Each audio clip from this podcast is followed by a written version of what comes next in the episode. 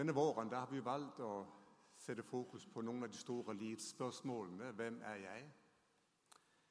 Betyr jeg noe? Hva er min plass i livet? Og vi har vi starter opp med tilbedelse, det å, kunne glede Gud av det vi er planlagt for. Så har vi hatt en, et par prekener, to-tre stykker, tre var det vel, om at vi er skapt for å Kristus lik. Og nå den, den tredje søndag hvor vi setter fokus på fellesskapet, at vi er skapt for, for Guds familie. Og vi har egentlig tatt hovedtemaet sammen. Et liv sammen med, en tjeneste sammen med, opplevelse sammen med. Og øh, Jeg har en tekst som jeg syns er veldig spennende fra Filippa-brevet. Og Der skal jeg lese i første omgang ett vers fra det første kapitlet, det er vers 27. Og etterpå skal jeg lese de fem første versene fra kapittel 2. nå skal du høre godt etter. Det skal vi alltid når Guds ord forkynnes og leses. Se bare til at dere fører et liv som er Kristi evangelium verdig. Enten jeg kommer og ser dere, eller er borte. Så la meg få høre at dere står sammen i én ånd, kjemper med ett sinn for troen på evangeliet. Og så fra kapittel to om det da er trøst i Kristus, oppmuntring i kjærligheten, fellesskap i ånden, om det finnes medfølelse og barmhjertighet, så gjør nå min glede fullkommen. Ha samme sinnelag og samme kjærlighet. Vær ett i sjel og sinn. Gjør ikke noe av selvhevdelse og tom ærgjerrighet, men vær ydmyke og sett de andre høyere enn dere selv. Tenk ikke bare på deres eget beste, men også på de andres. La det samme sinnlag være i dere som var i Kristus Jesus. La oss be sammen. Herre, nå ber vi om at ordene jeg har lest, må bli levende for oss. At du ved Din Hellige Ånd viser oss hvem du er, og hvem vi er, i fellesskapet med deg og med hverandre. Amen. Det var vekkelse.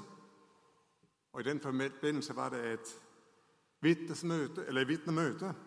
Og Da er det en mann som begeistret reiser seg opp og avlegger et brennende vitnesbyrd om Jesus og like mye om seg selv. Og Så plutselig så reiser hans kone sa opp, og så sier hun 'John'. Da vi i Amerika. John husker jeg er til stede. Og da satte han seg ned. Hun hadde en annen opplevelse av ham enn den han presenterte for menigheten. Og det kan godt hende det. At det ikke alltid samsvarer det vi sier, og det vi er. Det som jeg har lyst til skal gjennomsyre det vi skal dele med hverandre nå, det er setningen fra Paulus. Et liv som er Kristi evangelium verdig. Et liv som er Kristi evangelium verdig. Og eh, du kan svette, eller til og med kaldsvette bare ved ordet. Et liv som er Kristi evangelium verdig. For hvem i all verden er i stand til å leve et slikt liv? Grunnbetydningen av ordet 'verdig' det har noe å gjøre med, med, med vektstang og vektstangsprinsippet. Ordet det er aksios. Du har det også i akse. Og Det Paulus ønsker å si i den ene vektskål der ligger evangeliet. Og i den andre vektskål der ligger vårt liv. Og Tanken er at det skal være en balanse mellom evangeliet og det liv som vi lever. Og Det jeg skal fokusere på i dag, det er både evangeliet og vårt liv. Ikke bare mitt liv, ikke bare ditt liv, men, men vårt liv. Et liv som er evangeliet verdig, er et liv som er preget av evangeliet. Og Karsten Isaksen har sagt utrolig mye flott og skrevet like mye flott og i en bok jeg har av ham, der skriver han Troende mennesker er ikke beleste benkeslitere med høy moralsk standard og sorte permer på alle sine bøker. Dette er det troende menneskes hemmelighet. Jeg lar evangeliet få lov å slippe løs på meg. Så flott sagt. Jeg lar evangeliet få lov å slippe løs på meg. Jesu liv var et evangelium. Hele hans liv. Og Det er en av grunnene til at han blir kalt Ordet. Jesus var et budskap til verden med alt det han sa, og alt det han gjorde. I den tid vi lever i nå, så er menigheten Guds ord til verden. Menigheten er Guds budskap. Og Derfor skriver Paulus at vi er et brev kjent og lest av alle mennesker. Som pastor kan du få en del spesielle oppringninger på telefonen. Jeg husker For en del år siden så var det noen som på en eller annen merkverdig måte hadde funnet fram til meg. Og De hadde et problem. De hadde kjøpt et gammelt bedehus. Og De visste ikke hva de skulle stille opp med prekestolen. Om jeg hadde lyst til å få, ta, lyst til å få den prekestolen. Jeg husker ikke hva jeg svarte, men jeg tror ikke jeg hadde behov for flere prekestoler, så jeg sa de fikk bare lov å gjøre med den hva de ville. Men eh, prekestolen Det er jo ikke bare det her. Prekestolen det er det her òg. Ikke sant? Mitt liv er min prekestol. Jeg bærer den med meg overalt hvor jeg er. Vårt liv er en prekestol. Og vårt liv er en bærbar prekestol som vi bærer med oss overalt der hvor vi er. Vi har den med her i formiddag. Vi har den med når vi går herfra. Vi har den med når vi kommer hjem. Vi har den med hvis vi går på jobb i morgen. Vi bærer vårt livs pregestol med oss overalt hvor vi er. For vi er Guds ord til denne verden. Og menighetens viktigste oppgave, det er å bringe evangeliet videre. Og Derfor skriver Paulus videre i første kapittel, vers 27.: Enten jeg nå kommer og selv ser dere, eller jeg er borte, så la meg få høre at dere holder stand i én ånd og med samme sinn kjemper for troen på evangeliet. Menighetens viktigste oppgave det er jo å ære og prise Gud. Men i forhold til mennesker så er det å bringe evangeliet videre. Og William Temple han har sagt at menigheten er det eneste samarbeidende fellesskap i verden som eksisterer til beste for de som ikke er medlemmer.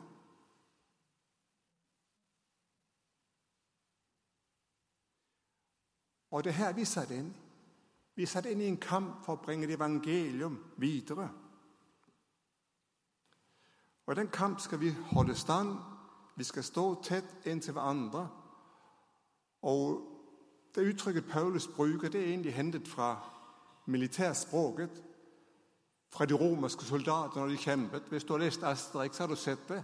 Hvordan de står med skjold på siden, over, foran og bak når Asterix og Obelix de kommer. Men altså, de romerske soldater de kjempet sammen åtte mann inn til hverandre, helt tett inn. Og så var det åtte mann litt lenger borte med skjold foran og bak osv. Og, så og de var nesten uovervinnelige når de dro fram på denne måten. De måtte bare holde tett sammen. Og Her er en oppfordring. La oss stå tett inn til hverandre, så vi på den måten kan holde stand og bringe evangeliet videre. Og Så går vi til kapittel 2, hvor det handler om både evangeliet og det liv som er evangeliet verdig, og det liv som er et evangelium. Og I det første verset så står det om det der er trøst i Kristus, oppmuntring i kjærligheten, fellesskap i Ånden, om det finnes medfølelse og barmhjertighet. Paulus tar frem fem begreper som på den ene side er evangeliet og skal være her. Fem ting som også skal prege vårt liv og bli et evangelium, så det blir balanse i vårt liv. Evangeliet det handler om trøst i Jesus Kristus. Matteus evangeliet kapittel 5, fra bergpreken står det Salige er de som sørger, for de skal trøstes. Evangeliet er trøst, lindring av smerte. Trøst til den som opplever 'jeg er en synder'. Så er trøsten, hvis du bekjenner din synd, så tilgis alle dine synder. Og det tilgis på en slik måte at det eksisterer lenger. Salig er den som får sin overtredelse tilgitt og sine synder skjult. Når synden bekjennes, så slettes den ut. Den forsvinner. Til og med Gud vet ikke hva du taler om hvis du kommer og bekjenner den samme synd en gang til. Den er borte for alltid. Og som vi sang i søndagsskolen før i tiden i hvert fall, han har kastet alle mine sønner bak sin rygg. Han ser dem aldri mer. De er borte. Hvilken trøst. Hvilken lindring. Det er trøst når vi kjenner på fordømmelsen. Hva sier evangeliet det er ikke noen fordømmelse for den som er i Kristus Jesus. Det er trøst i alt det vi kan møte i livet som gir oss sorg. Trøst i møte med all smerte. Evangeliet er trøst i Kristus Jesus. Evangeliet det er oppmuntring i kjærlighet. Evangeliet er Guds grenseløse kjærlighet til oss. Det er at Gud elsker oss. Det er noen som sier 'for den vi er'. Men evangeliet går enda videre. Gud elsker oss som vi er. Og det er enda sterkere. Evangeliet er at Gud brød seg om oss. Og da hvor mennesker fikk lov å møte denne grenseløse kjærlighet i Jesus Kristus. Da reiste de seg opp. De kjente seg fornyet. De kjente seg oppmuntret. De fikk mot til å møte livet som det er. Evangeliet gir fellesskap i ånden, fellesskap med Jesus Kristus. Evangeliet er medfølelse og barmhjertighet. Hebreerne 2,17 Derfor måtte han i ett og alt bli sine brødre lik, så han kunne være en barmhjertig og trofast øverste prest i tjenesten for Gud og sonet folks, folkets sønner. Medfølelse. Ingen kan som Jesus leve seg inn i din situasjon fordi han selv har vært menneske. Hans tanker om deg er ikke ovenfra og ned. Men han har kjent på sin egen kropp, i sin egen sjel, i sin egen ånd, hva det vil si å frestes og kjempe. Evangeliet er barmhjertighet. Det er et åpent hjerte til enhver tid for mennesker i alle livssituasjoner. Evangeliet i den ene vektskål. I den andre vektskål. Så trøst hverandre. lindre hverandres smerte. Elsk hverandre så det virker befriende og oppmuntrende. Paulus skriver i sitt siste brev, det er det andre Timoteus, 1,16. Må Herren forbarme seg over familien til Så kommer det vanskelig å Oniseforus. Har du hørt om ham? Vet du hvem han var? Vet du hvilken tjeneste han hadde? Nå skal du høre. For han har mange ganger gitt meg nytt mot. Han har mange ganger gitt meg nytt mot. Paulus, denne kjempen, han trengte et menneske som løftet ham opp og gav ham nytt mot. Nå skal jeg være helt ærlig. Det er noen mennesker alltid blitt deprimert av å være sammen med. Ja, det er ikke helt sant, men nesten hver gang jeg er sammen med dem. Og så er det noen mennesker jeg alltid blir oppmuntret av å være sammen med. Har du opplevd det samme? Det er så godt fordi de løfter deg opp og gir deg nytt mot. Og Guds tanke for ditt og mitt og vårt liv det var at når vi var sammen, så skulle vi kjenne oss oppløftet. Nytt mot til å møte mandagen, tirsdagen og onsdagen. Oppmuntret av Jesus Kristus. Sats på å muntre andre opp. Og Vi skulle få en kultur for det òg her i vårt fellesskap. Løfte hverandre opp. Åndens fellesskap. Finnes det noe bedre enn å samles i Jesu Kristi navn og kjenne at Han er iblant oss? Vi lover og priser Herren gjennom lovsang. Vi ber sammen, vi deler nattverden, vi hører forkynnelsen, vi deler Guds ord. Og så kjenner vi at det er noe som er vanskelig å definere, men åndens fellesskap. Jesus er iblant oss. Vi er fellesskap med ham, og vi er fellesskap med hverandre. Vi har opplevd hans medfølelse og barmhjertighet. Så la oss være barmhjertige. La oss vise medfølelse. Og når noen strever, og når noen faller, så kunne du tenke det kunne like gjerne ha vært meg. Og jeg er ikke noe bedre enn han eller hun. Evangeliet et liv som evangeliet verdig. Ser du bildet? Og så går Paulus videre for å legge vekt på det her nye livet vi er frelst til. Så gjør min glede fullkommen, ha samme sinnelag og samme kjærlighet, vær ett i sjel og sinn. Han går inn på det som kanskje er det aller viktigste i det kristne fellesskap, og det er vår enhet. Den kristne enhet er evangeliserende i seg selv. Jesus ber den siste kvelden må de alle være ett, slik du, far, er i meg og jeg i deg. Så skal de også være i oss, for at verden skal tro at du har sendt meg. Altså kristen enhet, bestående av alle mulige forskjellige typer mennesker. Alle sosiale lag, begge kjønn, unge og eldre, rik og fattig. Et slikt fellesskap, når det eksisterer, så er det evangeliserende i sitt vesen. Og Nå skal du høre. Enheten er ikke vårt mål. Enheten er vårt utgangspunkt. Er ikke sikkert du skjønner hva jeg mener. Jeg skal prøve å forklare det. Vi er et legeme. Fordi Jesus Kristus har satt oss inn i det legeme. Vi er et tempel fordi han har gjort oss til et tempel med alle disse mursteinene som finnes.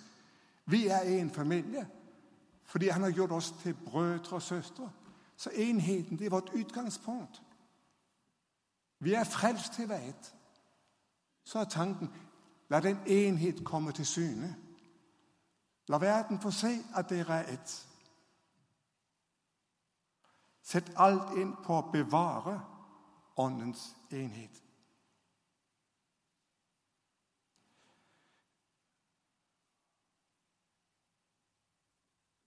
I 78-oversettelsen så står det 'vis enighet'. Vis enighet. Guds barns enhet det er en del av vårt motto. Det er ikke tankens og meningens enhet, men det er handlingens enhet. Skal jeg fortelle en liten historie fra virkelighetens verden? Det var en menighet i mitt et sted hvor jeg har vært. Det var før jeg kom dit. Menigheten holdt til det man i Danmark kaller ute på landet. Vekkelsen hadde vært der. Og man hadde bygget sitt bedehus, misjonshus eller misjonskirke der. Og da hadde den vært 80-90 år. Og det har vært en fantastisk tid, i hvert fall i begynnelsen og mange år etterpå. Men tiden endrer seg. Menigheten bosatte seg andre steder. Og de folk, man skulle nå dem, skulle man se langt etter, for de bodde ikke der længere. Og man går igennem en prosess hvor man til slutt blir enige om, at vi skal bygge et, et nytt stat. Vi skal flytte menigheten rent geografisk. Vi skal flytte til det, det nærmeste tettsted, den nærmeste forstad til Aalborg. Og øh, nogen var veldig imot, og noen var veldig for. Men til slutt så beslutter man seg for, vi flytter. Vi bygger nyt. Da man så er ferdig med å bygge, så kommer et ektepar. Et ektepar som har vært sterkt imot. Så sier de, vi spanderer beplantningen rundt hele kirken. Og de har kanskje vært de sterkeste motstandere. Men vi var enige. Altså, vi var enige om å bygge nytt. Der ble vi også med fullt og helt. Hvilken, hvilken tanke, hvilken holdning? Har vi besluttet, så går vi for det. Desværre kan man noen ganger oppleve det motsatte. Man kan vise enighet, man kan beslutte, og så kan man noen allikevel undergrave det hele tiden. Vi mente, når det skulle være slik. Vi mente, når det skulle være slik. Vis enighet. Vis enighet. Og jeg har flere andre eksempler på det samme. Noen fantastiske mennesker, som i andre sammenhenger har vært uenige. Men når menigheten har gått for det, så viser vi enighet. Hvilken holdning?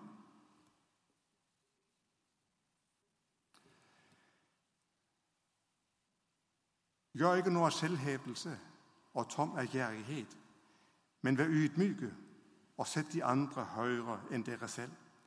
Tenk ikke bare på deres eget, men også på de andre, eller på de andres.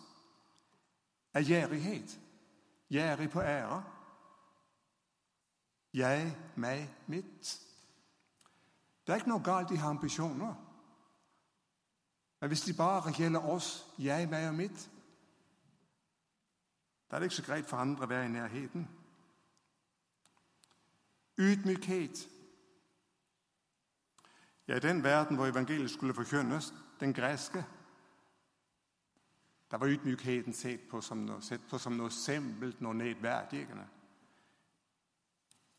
Man hadde ikke et eget ord for det egentlige. Så kommer Jesus og sier, jeg er ydmyk av hjertet. Og Hva er det han mener med den ydmykhet? det er både at erkjenne og bekjenne jeg er avhengig av Gud. Jeg bøyer meg for den allmektige Gud.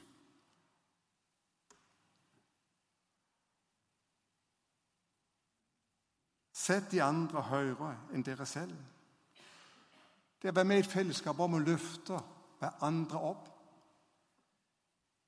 Vi har en kultur, hvor vi ofte kan trykke andre ned for å komme opp. Men evangeliet det er, løft opp og løft opp, og da løfter de andre også deg opp. Tenk ikke bare på deres eget. Nå skal du høre, det går an å tenke på sitt eget. Men det står, 'tenk ikke bare på deres eget. Selv i vår interesse for andre, så kan vi bli veldig selv optatt. Jeg husker en gang, jeg kom til å nevne noe, om øh, en bihulebetennelse fra prekestolen. Eller hva jeg tror, det var en prædikestol. Men likevel, jeg kom til i hvert fall litt høyt å snakke om en bihulebetændelse.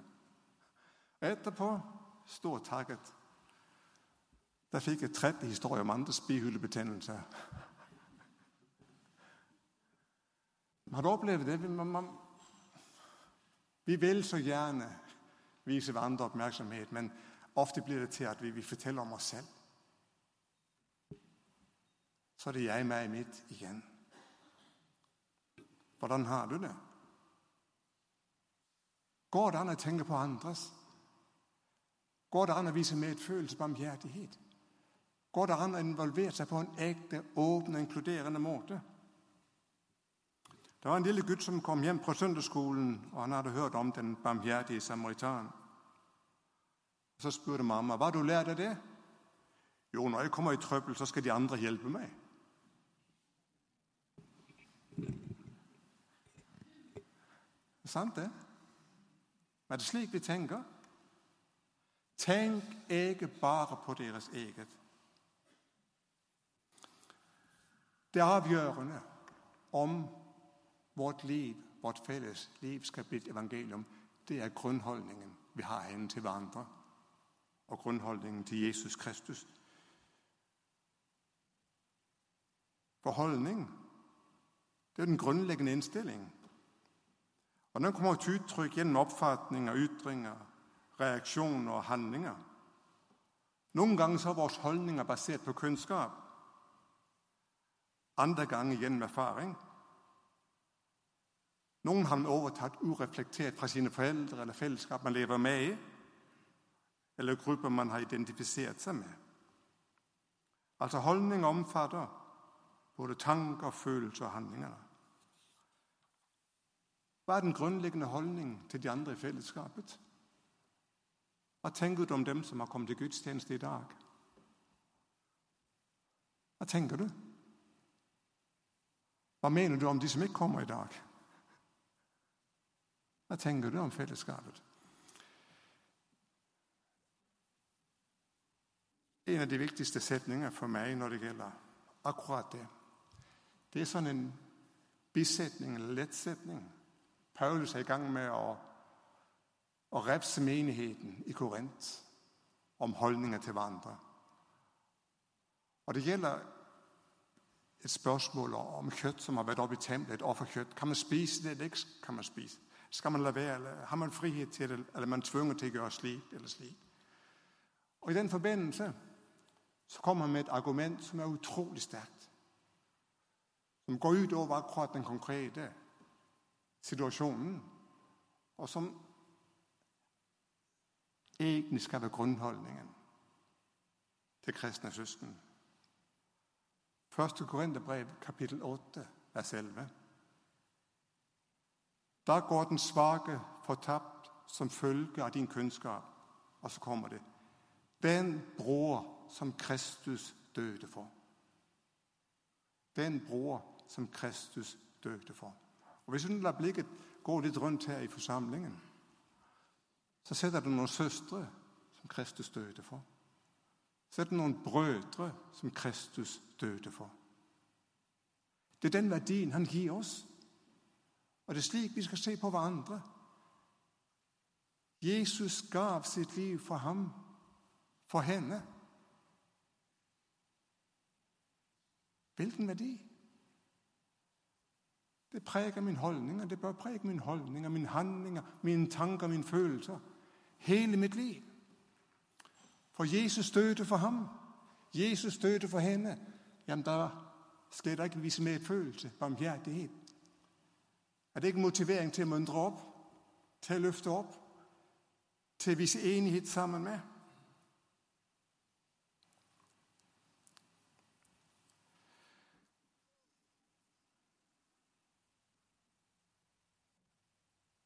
Hva tenker du? Hva tenker du nå? Berører det deg, det her? Eller er det bare noe sagt fra en prekestol som du kan glemme noe ut herfra? Skal du høre, Jeg har sagt det flere ganger, men det, det ligger meg litt på hjertet å si det her. Menighetens indre liv er ikke et internt anliggende. Ikke bare et internt anliggende. For menighetens holdninger og menighetens handlinger er tenkt som Guds budskap til verden. Det vi tenker om hverandre, og det vi gjør i forhold til hverandre, blir et brev som leses og kjennes av alle.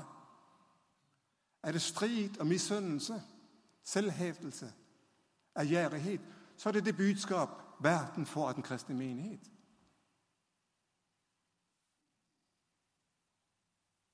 Så la oss gjøre godt mot alle så lenge det er tid, og mest mot dem som er våre søsken i troen. Det er her det begynner. Og hvis ikke vi kan trives med hverandre, leve med hverandre, tjene hverandre, ære hverandre, da setter vi en strek over det budskapet vi er kalt til å forkynne. Evangeliet, vårt liv.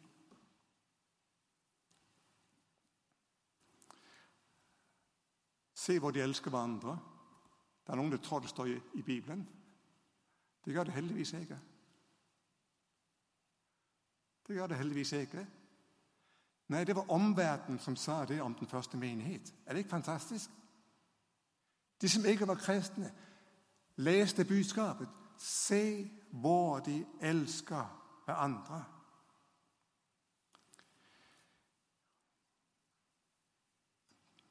De siste 15 årene så har vi sitert Bill Heibels igjen og igjen når det gjelder menigheten. Menigheten er verdens håp. Den er det når den viser omsorg, innart, kjærlighet. Og livet det skal ikke bare leves her en søndag formiddag. Det leves utenfor de fire kirkeveggene. Det leves i relasjoner, det leves i små grupper, det leves i familier, det leves med venner man går på besøk hos. Det leves når man tenker på forskjellige generasjoner.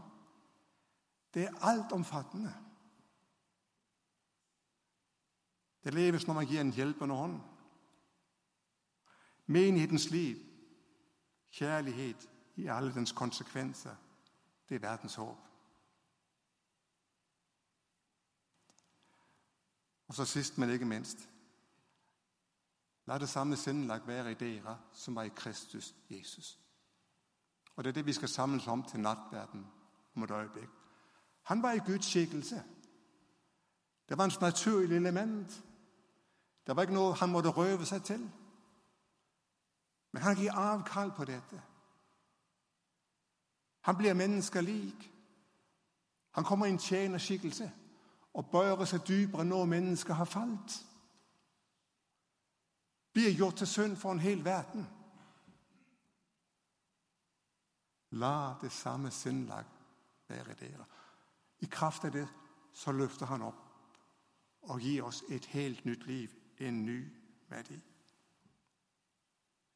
Et liv som er Kristi evangelie verdig.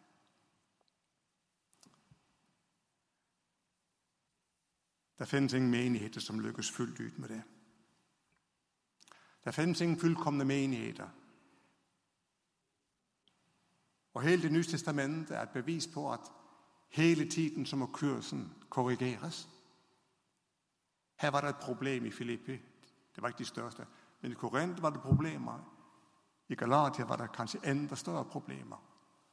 Men hele tiden denne tanke evangeliet, Guds nåde. Vær det et liv bli preget av evangeliet, så vi blir et godt budskap til verden. Har du lyst til å være med på det? Har du lyst? Det er opp til deg, opp til meg, opp til oss.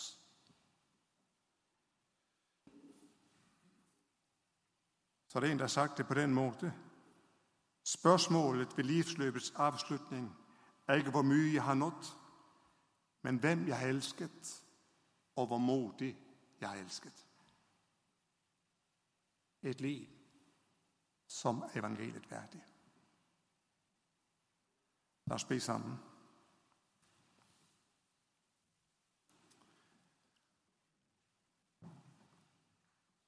Jesus Kristus, Takk at du ønsker å berøre oss. Takk at du ønsker å føre oss nærmere hverandre og nærmere deg. La din nåde få lov å slippe løs i våre liv, så vi kjenner at du jobber med våre holdninger, med våre tanker, med våre følelser og våre handlinger. Herre, la oss være et godt budskap til denne verden. Amen.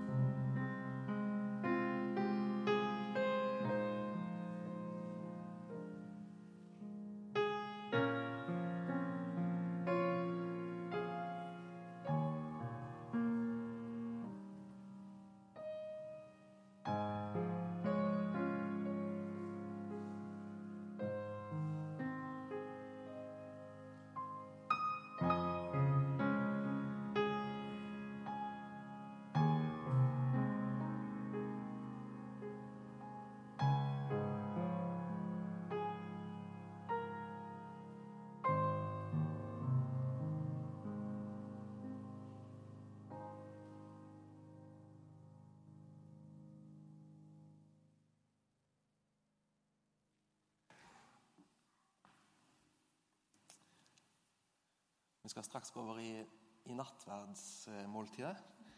Men eh, Steinar Vinje har opplevd at han har fått et budskap. Så vær så god, Steinar, kom fram, og så del det med oss.